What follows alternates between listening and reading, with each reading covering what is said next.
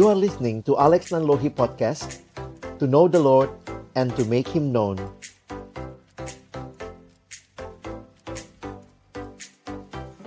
Kami datang dalam ucapan syukur di hadapan-Mu ya Tuhan. Terima kasih buat kesempatan ibadah yang Tuhan berikan bagi kami sore hari ini. Kami rindu ya Tuhan, biarlah ketika sama-sama kami akan membuka firman-Mu, bukalah juga hati kami. Jadikanlah hati kami seperti tanah yang baik, supaya ketika benih firman Tuhan ditaburkan itu boleh sungguh-sungguh berakar, bertumbuh, dan juga berbuah nyata di dalam kehidupan kami. Berkati baik hambamu yang menyampaikan, setiap kami yang mendengar, ya Tuhan, tolonglah kami semua, agar kami bukan hanya jadi pendengar-pendengar firman yang setia, tapi mampukan dengan kuasa pertolongan dari rohmu yang kudus, kami dimampukan menjadi pelaku-pelaku firman-Mu di dalam kehidupan kami, di dalam masa muda kami. Bersabdalah ya Tuhan, kami anak-anakmu sedia mendengarnya, di dalam satu nama yang kudus, nama yang berkuasa, nama Tuhan kami Yesus Kristus kami menyerahkan pemberitaan firman-Mu. Amin. Shalom teman-teman, selamat sore. Bersyukur kesempatan ini boleh kembali ketemu dengan teman-teman sekalian dan pelayanan sore hari ini dalam tema yang diberikan kepada kita Follow Him in Love ya.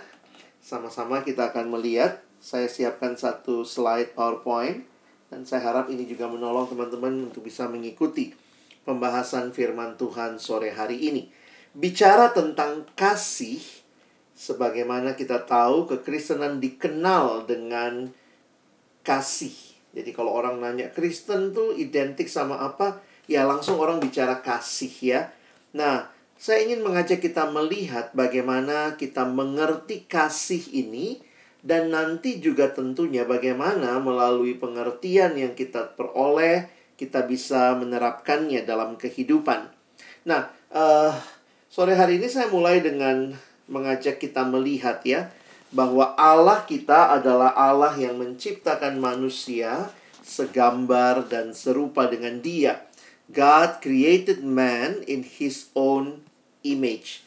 Dan menarik sekali kalau kita memahami bahwa Allah adalah kasih, maka kalau Allah menciptakan kita manusia segambar dan serupa dengan Dia, maka hakikat manusia sebagai makhluk yang mengasihi, saya pikir itu juga terkait dengan Allah yang menciptakan manusia. Karena itu kalau kita perhatikan di dalam Alkitab, Kejadian pasal 2 ayat 18 ketika dikatakan tidak baik kalau manusia itu seorang diri saja. Teman-teman, waktu memahami ayat itu, kita tidak bisa tutup mata bahwa ayat itu bicara dalam konteks manusia sebagai makhluk sosial.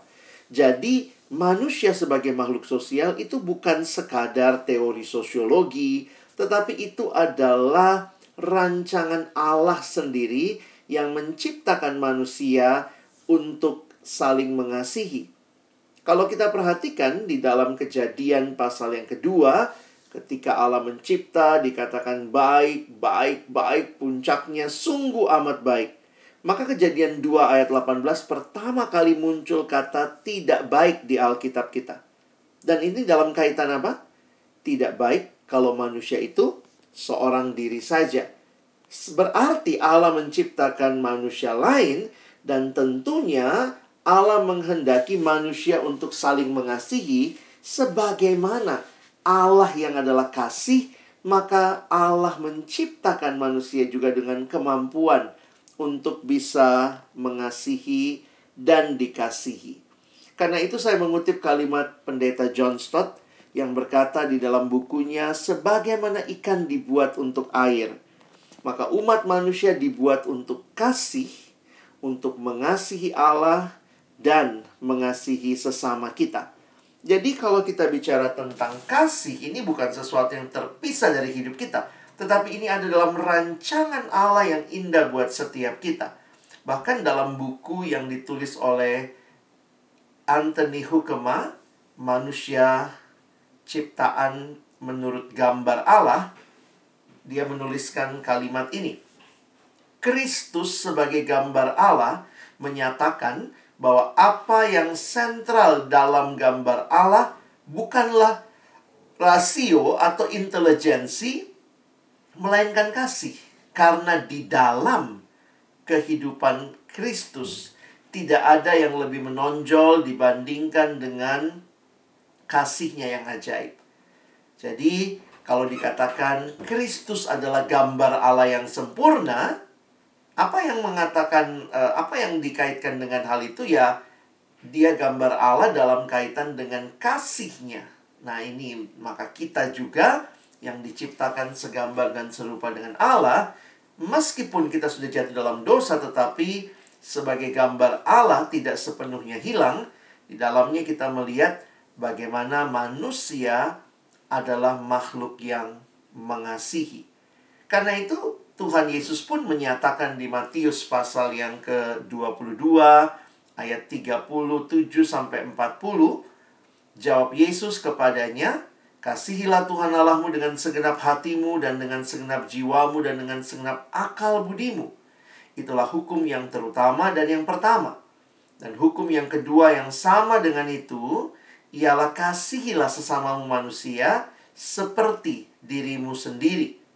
Pada kedua hukum inilah tergantung seluruh hukum Taurat dan kitab para nabi.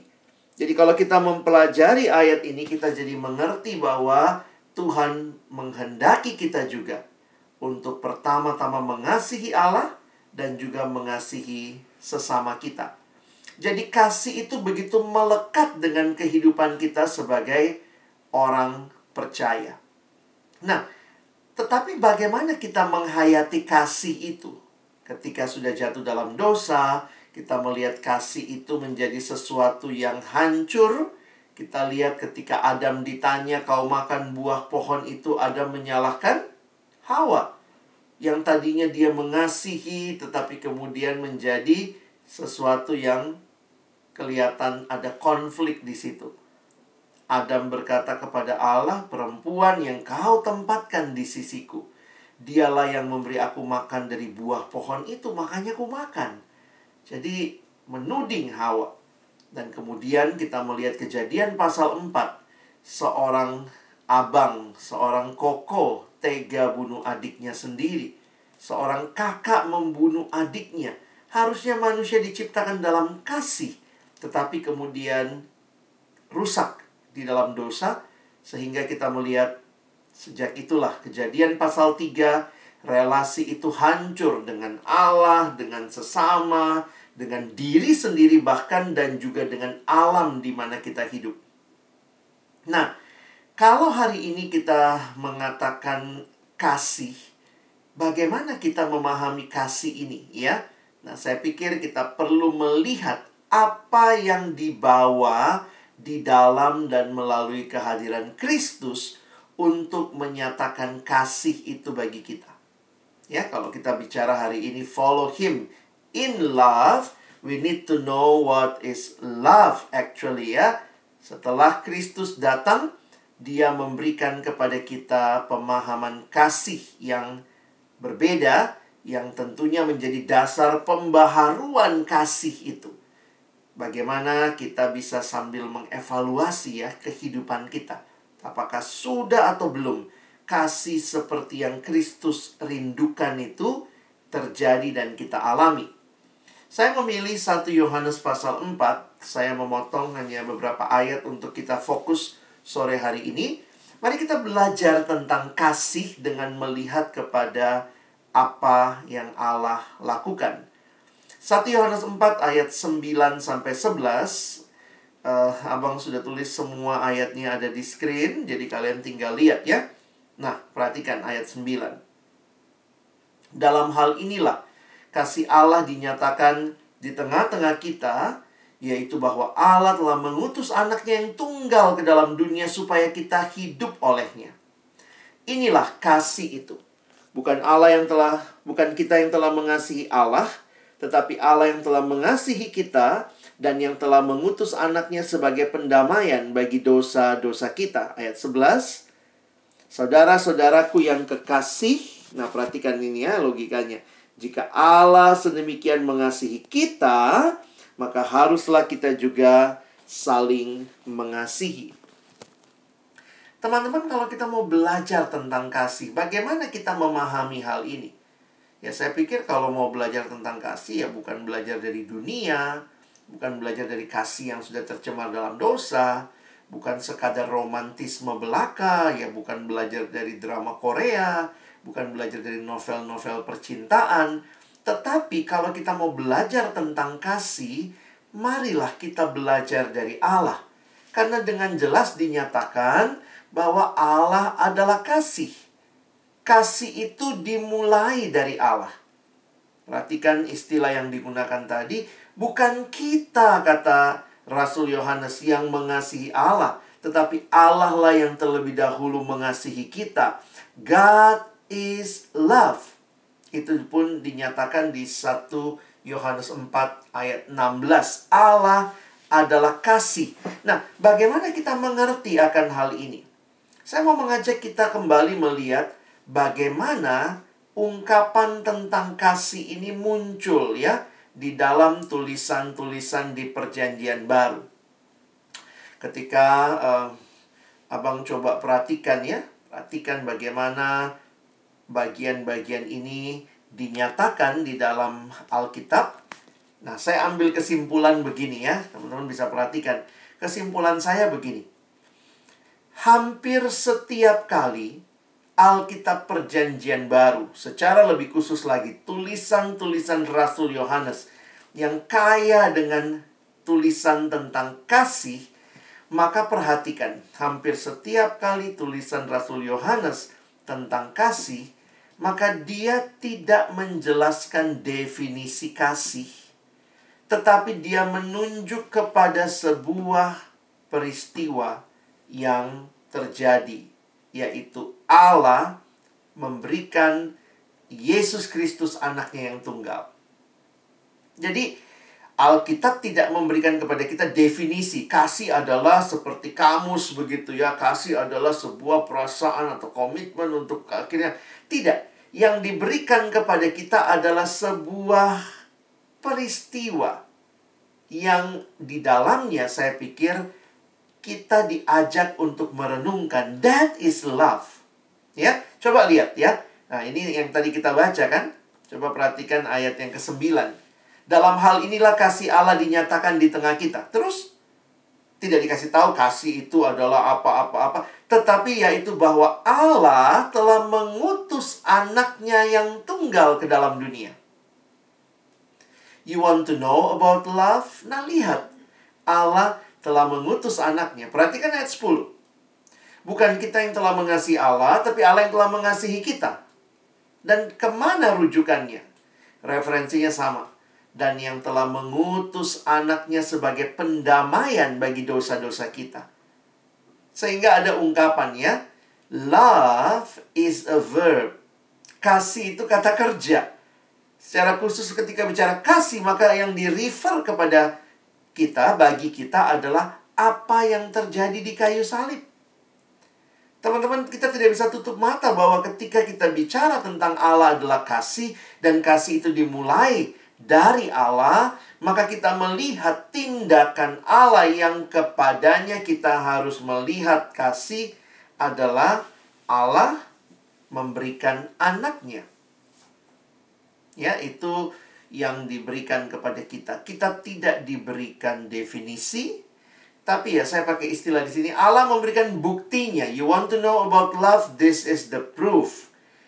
Allah mengaruniakan anaknya yang tunggal.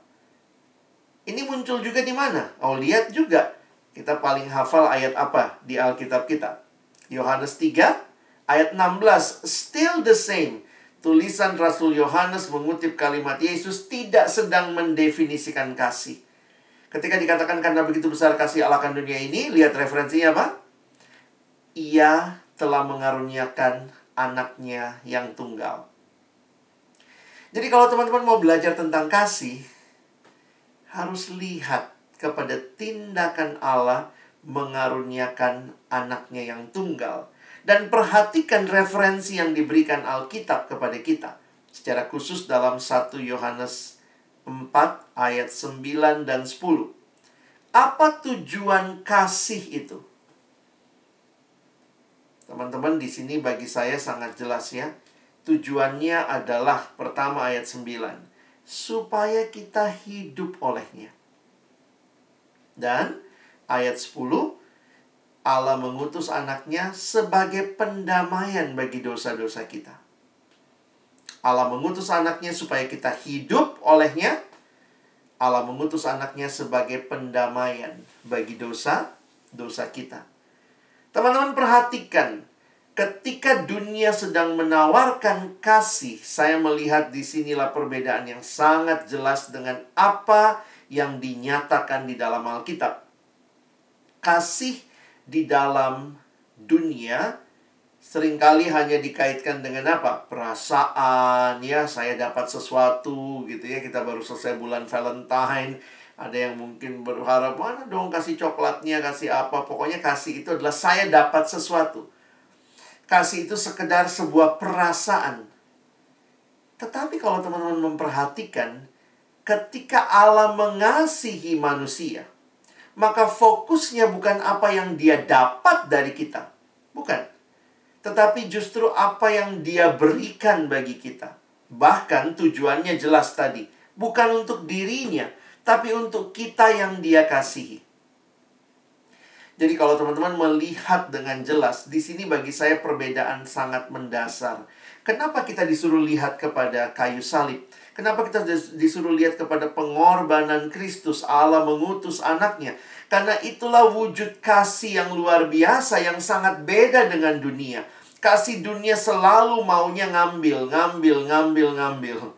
Makanya katanya bahasa Indonesia itu adalah bahasa yang paling jelas menggambarkan kasih dibanding bahasa lain ya.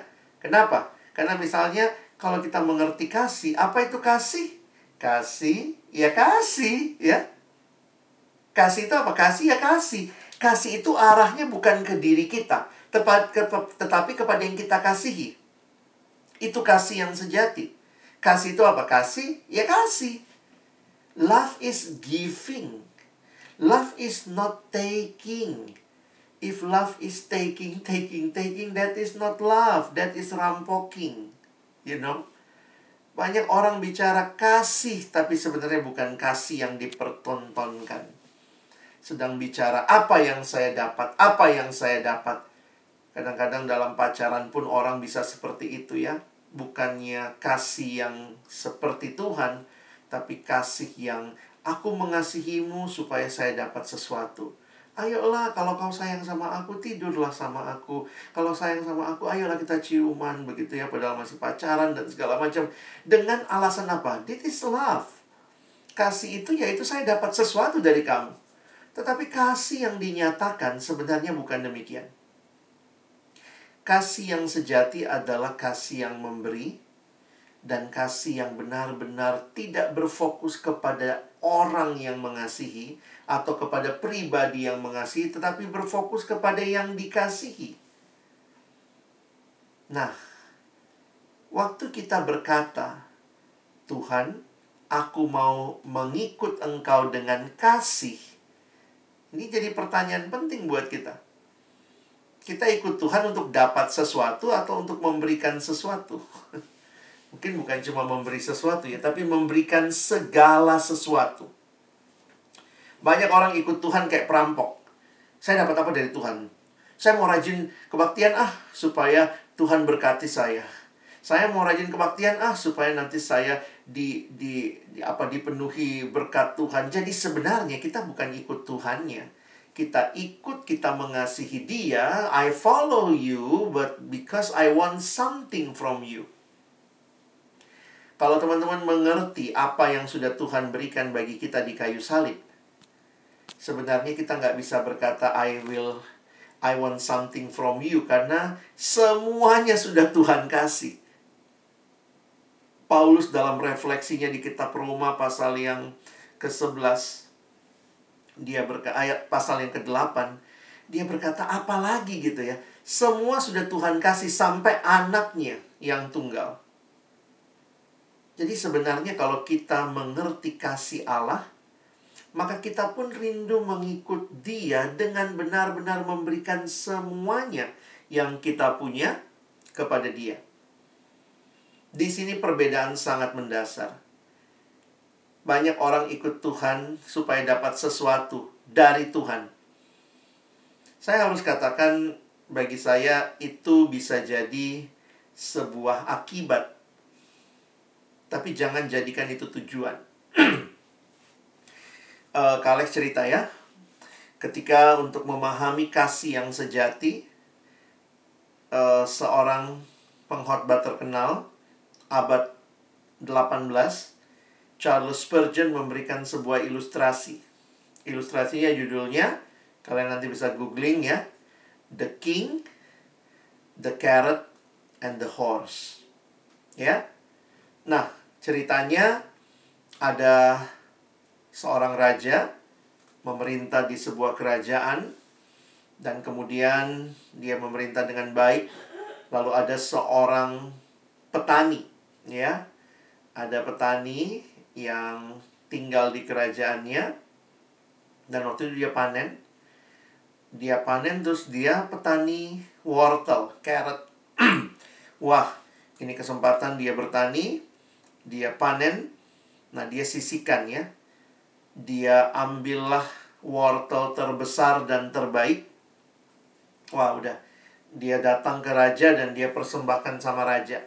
Jadi waktu dia datang, dia bilang, "Ya raja, inilah wortel yang terbesar dan terbaik. Terimalah ya raja. Ini dari aku gitu ya." Wow, raja sih tersentuh ya, dikasih wortel terbesar terbaik. Raja bilang terima kasih banyak, saya terima wortelnya, terima kasih. Nah, karena dia tujuannya datang mau ngasih wortel, sesudah ngasih wortel dia pulang ya. Dia balik badan, dia keluar pintu. Tapi ternyata sang raja sangat terkesan ya. Tersentuh oleh kebaikan hati, ketulusan hati pria ini. Jadi waktu dia mau keluar pintu, sang raja bilang, eh bentar, bentar, bentar. Lalu sang raja panggil masuk lagi. Dia bilang, saya sangat tersentuh dengan ketulusan hatimu saya berpikir untuk memberikan kamu sepertiga kebun istana. Wah, jadi akhirnya raja bilang, ya sudah, saya berikan kepada kamu sepertiga kebun istana, silahkan kamu usahakan dengan baik. Itu sekarang milik kepunyaanmu. Wah, dia keluarlah. Petani ini keluar dari istana raja, dia sangat senang, dia tersenyum. Dan kemudian di luar dia ketemu temannya. Temannya bilang, wow, gembira amat, dari mana? habis hadap raja. Loh, hadap raja kok ketawa-ketawa, senang-senang. Kenapa? Iya, tadi saya datang bawa wortel, kata dia gitu. Wow, gitu. Tapi terus kenapa happy banget? Oh, raja kasih sama saya sepertiga kebun istana. Akhirnya, udah. Kemudian, pria ini, dia mikir, wow, bawa wortel dapat sepertiga kebun istana. Wah, dia pulang. Nah, pria ini bukan petani. Ya, temennya ini ternyata adalah seorang peternak. Jadi waktu pulang, apa yang bisa dikasih ya? Wah, kemudian dia lihatlah, ah, dia ambillah kuda. Dia punya peliharaan, dia carilah kuda yang terbesar dan terbaik. Lalu kemudian dia bawa besoknya sama raja. Wah, dengan harapan dia dapat sesuatu ya. Jadi dia datang sama raja, terus kemudian raja bilang, "Ada apa?" Ya raja, inilah saya mau persembahkan kuda saya yang terbesar dan terbaik. Terimalah ya raja. Wah, raja dikasih kuda seneng ya. Jadi terima kasih, saya terima kudanya. Setelah terima kuda, sang raja kaget loh. Kok masih berdiri di situ ya? Jadi peternak itu masih berdiri, dia nunggu gitu. Terus raja bilang, kan kamu datang mau ngasih kuda kan? Udah kan? Saya udah terima kudanya, makasih ya. Dia nunggu, dia melongo gitu ya, nunggu ke raja. Oh, barulah akhirnya raja sadar. Oh, oh, oh. kamu berpikir seperti aku akan melakukan seperti yang kulakukan pada temanmu kemarin. Lalu kemudian sang raja mengatakan kalimat yang menarik. Temanmu kemarin memang datang ke sini untuk mempersembahkan wortel itu buat saya. Tapi kamu hari ini, kamu tidak datang ke sini untuk mempersembahkan kuda ini buat saya. Kamu datang untuk mempersembahkan kuda ini untuk dirimu sendiri. Ini tagline ilustrasi ini ya. The farmer yesterday gave me the carrot, but today you are not giving me the horse, you are giving yourself a horse. Teman-teman mengikut Tuhan, apakah kamu mengikut Tuhan untuk memberikan segalanya kepadanya? Karena Dia yang sudah memberikan segalanya terlebih dahulu untuk engkau. Atau kamu datang kepada Tuhan karena mau sesuatu dari Dia. Banyak orang yang datang sama Tuhan seperti perampok, taking. You are not loving God, you are taking, taking, taking. Jadi beberapa orang bicara kasih kepada Tuhan, rajin ibadah, rajin lakukan segala sesuatu, tapi itu bukan supaya bukanlah sesuatu yang lahir dari hati yang mengalami kasihnya Tuhan yang sudah mati bagi engkau. Dia bahkan menyerahkan nyawanya. Tetapi banyak orang yang berpikir ikut Tuhan karena mau sesuatu dari Tuhan. Kalau ada KPK sorgawi, ketangkep kita. Penjilat-penjilat ya. It's not easy to love God karena hanya ketika engkau telah mengalami kasihnya, maka engkau akan rela mengatakan, Tuhan semua hidupku untukmu. Kadang-kadang kita bilang gini, Tuhan saya udah kasih studiku loh. Ujian kali ini gak nyontek Tuhan, awas loh. Jadi kita akhirnya kayak kayak bargaining, tukeran sama Tuhan. I will love you only if you give me something. Sehingga sebenarnya itu bukan follow Jesus ya kita ngerampok Tuhan dan tidak sungguh-sungguh really follow Him. Jadi, sekarang bayangkan, kalau kita tidak punya kasih, ya kita akan sulit mengasihi. Baik mengasihi Tuhan, kita jadi nggak tulus, ikut Tuhan supaya dapat sesuatu, apalagi mengasihi sesama. Makanya ketika Paulus berbicara kepada jemaat di Korintus, Paulus bicara tentang kasih. Karena dalam relasi horizontal antar jemaat, kalau engkau tidak dipenuhi kasih Tuhan, maka horizontalnya hancur juga. Bayangkan jemaat di Korintus ini kaya karunia. Wih, ada yang bisa ber bernubuat, ada yang bisa bahasa roh, ada yang karunia menyembuhkan. Tetapi Paulus bilang ngapain punya semua itu kalau nggak punya kasih? Di sini saya jadi mengerti, oh buat Paulus berarti ketika kamu punya karunia, tapi lihat, kamu pakai karunia itu buat apa? Kalau kamu punya karunia lalu kamu pakai hanya untuk menyombongkan diri, you miss the point. Kalau kamu ada dalam jemaat tapi kemudian satu sama lain konflik bahkan bangga-banggaan, weh karuniaku lebih penting, aku nggak butuh kamu. Itu yang Paulus tulis di 1 Korintus 12, dia pakai gambaran tubuh, nggak ada yang paling penting dari tubuh. Bilang saya nggak butuh kamu. Paulus bilang kita tuh satu tubuh. Dan kemudian Paulus bicara di 1 Korintus 13. Kita lihat tiga ayat pertamanya saja ya.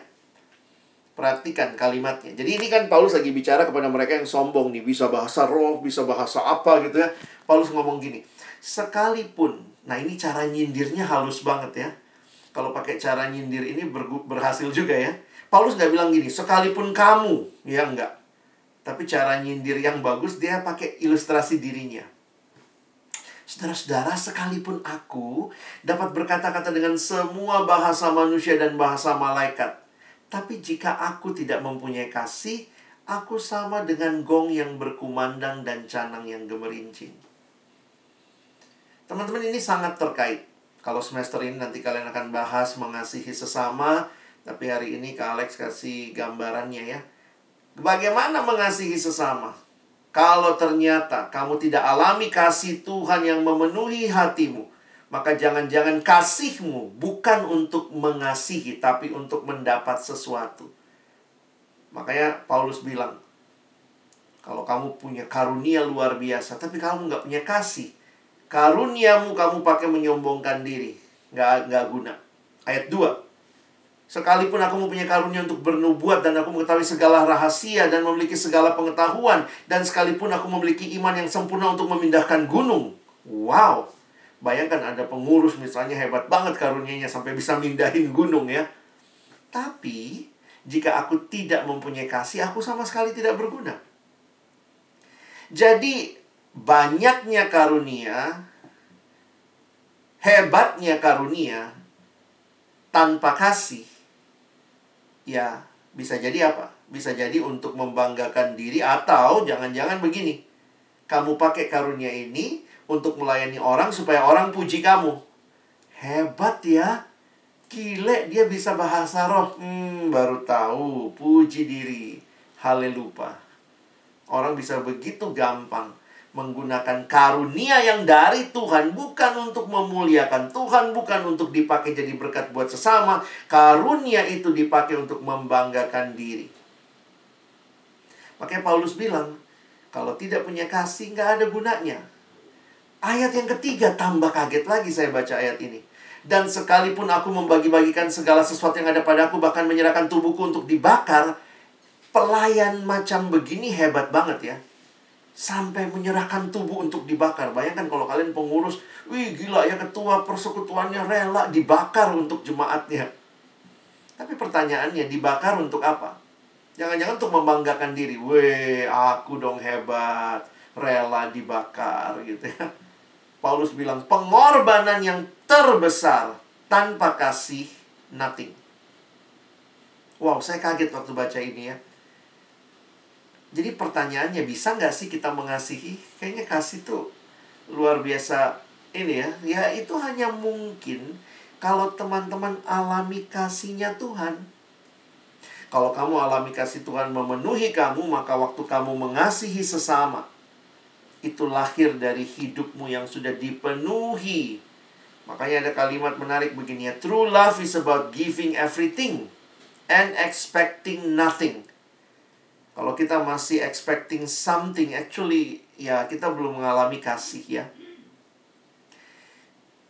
Makanya katanya yang paling dekat sama kasihnya Tuhan itu kasihnya orang tua kali ya. Ya orang tua juga nggak sempurna ya, namanya manusia. Tapi kan kita bikin lagu tuh untuk ibu misalnya. Kasih ibu kepada beta tak terhingga sepanjang masa. Apa itu kasih? Hanya memberi. Tak harap kwitansi. gitu ya. Oh, banyak juga mama-mama kwitansi bilangnya gitu nah mama udah besarkan kamu cepet besar ya cepet jadi dokter cari duit yang banyak ajak mama jalan-jalan ke luar negeri jadi mama mengasihi supaya diajak ke luar negeri itu mama-mama masih kwitansi ya saya pikir sebenarnya ini lagu lebih tepat kita nyanyikan kepada Tuhan yang memang kasihnya hanya memberi harusnya kan kita nyanyi ya kasih Tuhan kepada saya tak terhingga sepanjang masa. Apa kasihnya? Hanya memberi, tak harap kembali. Makanya, karena ini lagu anak-anak, penciptanya harus mencari ilustrasi yang yang gampang menggambarkan hanya memberi harap kembali. Wow, dia ketemu. Bagai sang surya menyinari dunia Sang Surya nggak bilang gini, besok kalau kamu nggak mandi, saya nggak terbit. Nggak ya. Kamu mandi, nggak mandi, kamu lagi suka nggak suka ya, Sang Surya terus bersinar. Ya, itu kasih. Kasih yang tidak tergantung kondisi saya. Kasih kita memang kadang-kadang gitu ya.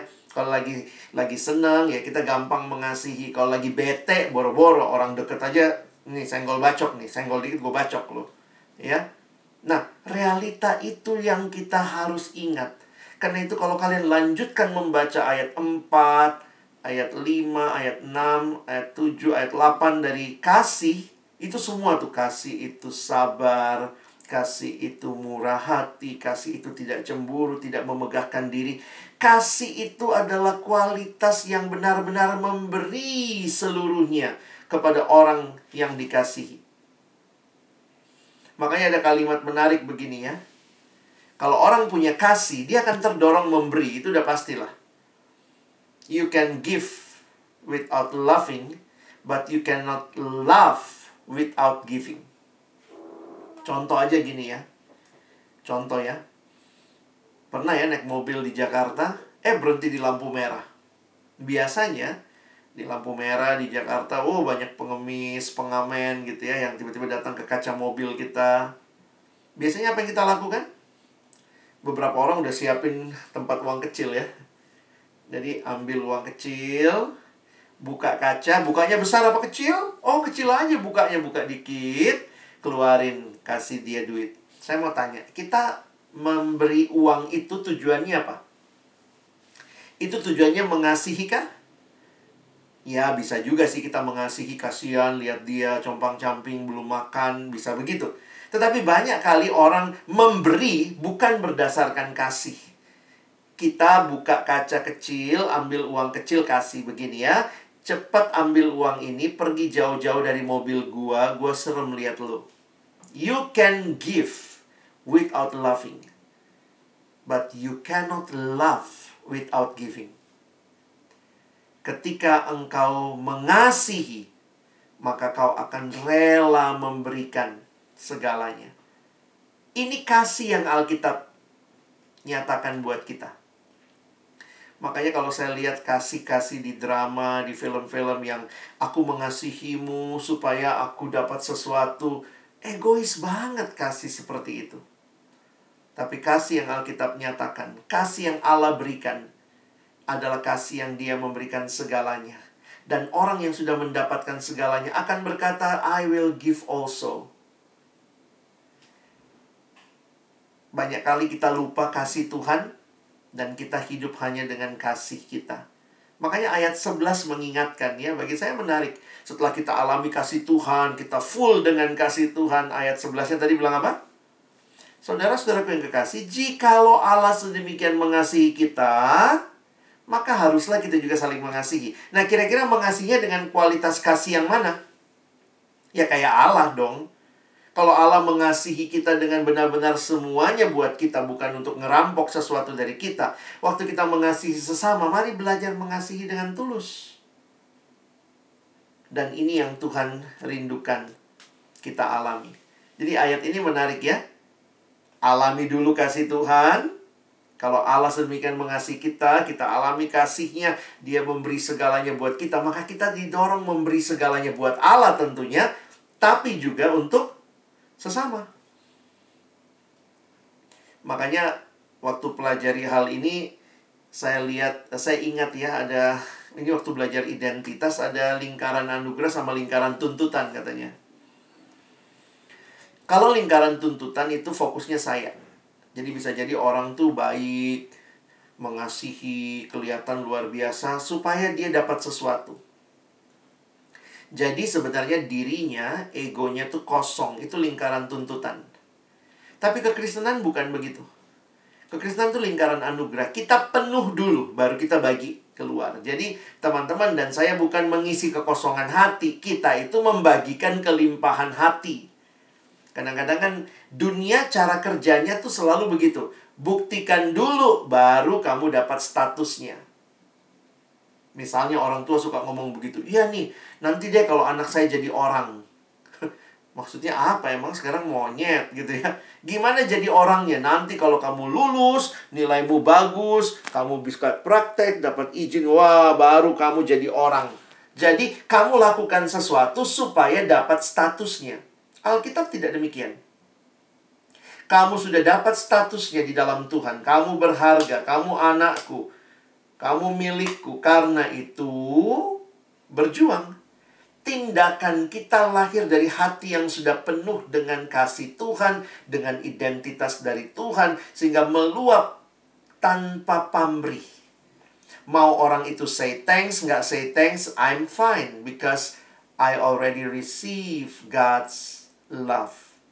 Tapi kalau kita mau berprestasi supaya diterima, supaya orang sayang sama kita, berarti kitanya sendiri belum penuh. Maka bayangkan tuh ya, nanti kalian jadi dokter yang baik supaya apa? Supaya dapat pasien yang memuji-muji dirimu. Nanti kalau ada pasien yang nggak puji kamu, kamu marah. Kamu udah tolong orang-orang yang nggak balas kamu marah. Karena apa? Karena kamu sedang mencari untuk dirimu, hatinya kosong.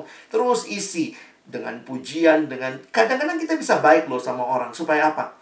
Kita dikenang, kita dipuji-puji. Ih, dokter itu hebat banget ya. Tapi kalau kamu penuh hatimu, mau dia say thanks, dia nggak say thanks, I'm accepted by God. Makanya kita sangat penting loh kita kenal kasih Tuhan. Jangan lupa kasih Tuhan. Karena kasih Tuhanlah yang ketika memenuhi kita akan membuat kita bisa mengasihi sesama.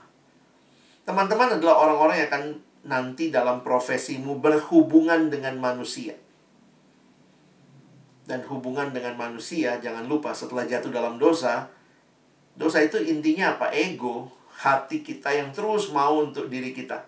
Makanya buat kita anak-anak yang kenal Tuhan, yang bertumbuh dalam persekutuan kita dipenuhi kasih Kristus.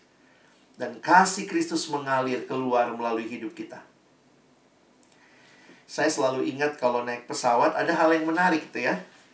Khususnya kalau dikati tahu ya uh, pernah lihat ini gitu. Ya serem juga ya jangan sampai keluar ya. Takut juga kan. Kadang-kadang dikasih tahu begini uh, jika tekanan udara di dalam kabin uh, drop begitu ya maka masker oksigen seperti ini akan keluar dari panel di atas kepala anda. Pakailah masker kalungkan karetnya di kepala, tutupi melingkari hidung dan mulut, dan bernafaslah seperti biasa. Tapi apa yang menarik? Kalimat sesudahnya biasanya gitu ya. Bagi saudara yang bepergian dengan anak-anak, maka pakailah masker Anda terlebih dahulu sebelum menolong anak Anda. Bagi saya menarik juga ya. Ini prinsipnya persis kayak tadi ya. Kamu nggak bisa nolong orang kalau kamu sendiri nggak dipenuhi. Kira-kira gitu ya. Banyak kali kita mau nolong orang, jadi baik sama orang tapi kita sendiri nggak dipenuhi kasih, kita akan mati kehau kehabisan napas gitu. Kita akan ya kamu bisa baik, kamu bisa tolong 15 20 orang dalam itu ya selama kamu masih bisa megap-megap napas, tapi kamu sendiri akan mati lemes. Tapi kalau kamu dipenuhi, maka kamu bisa menolong orang lain. Di Alkitab kasih yang kita terima dari Tuhan itu harus dinyatakan. Di Alkitab tuh banyak sekali kata saling. Itu kalau dalam bahasa Indonesia ya. Bahasa Inggris menggunakan kata one another.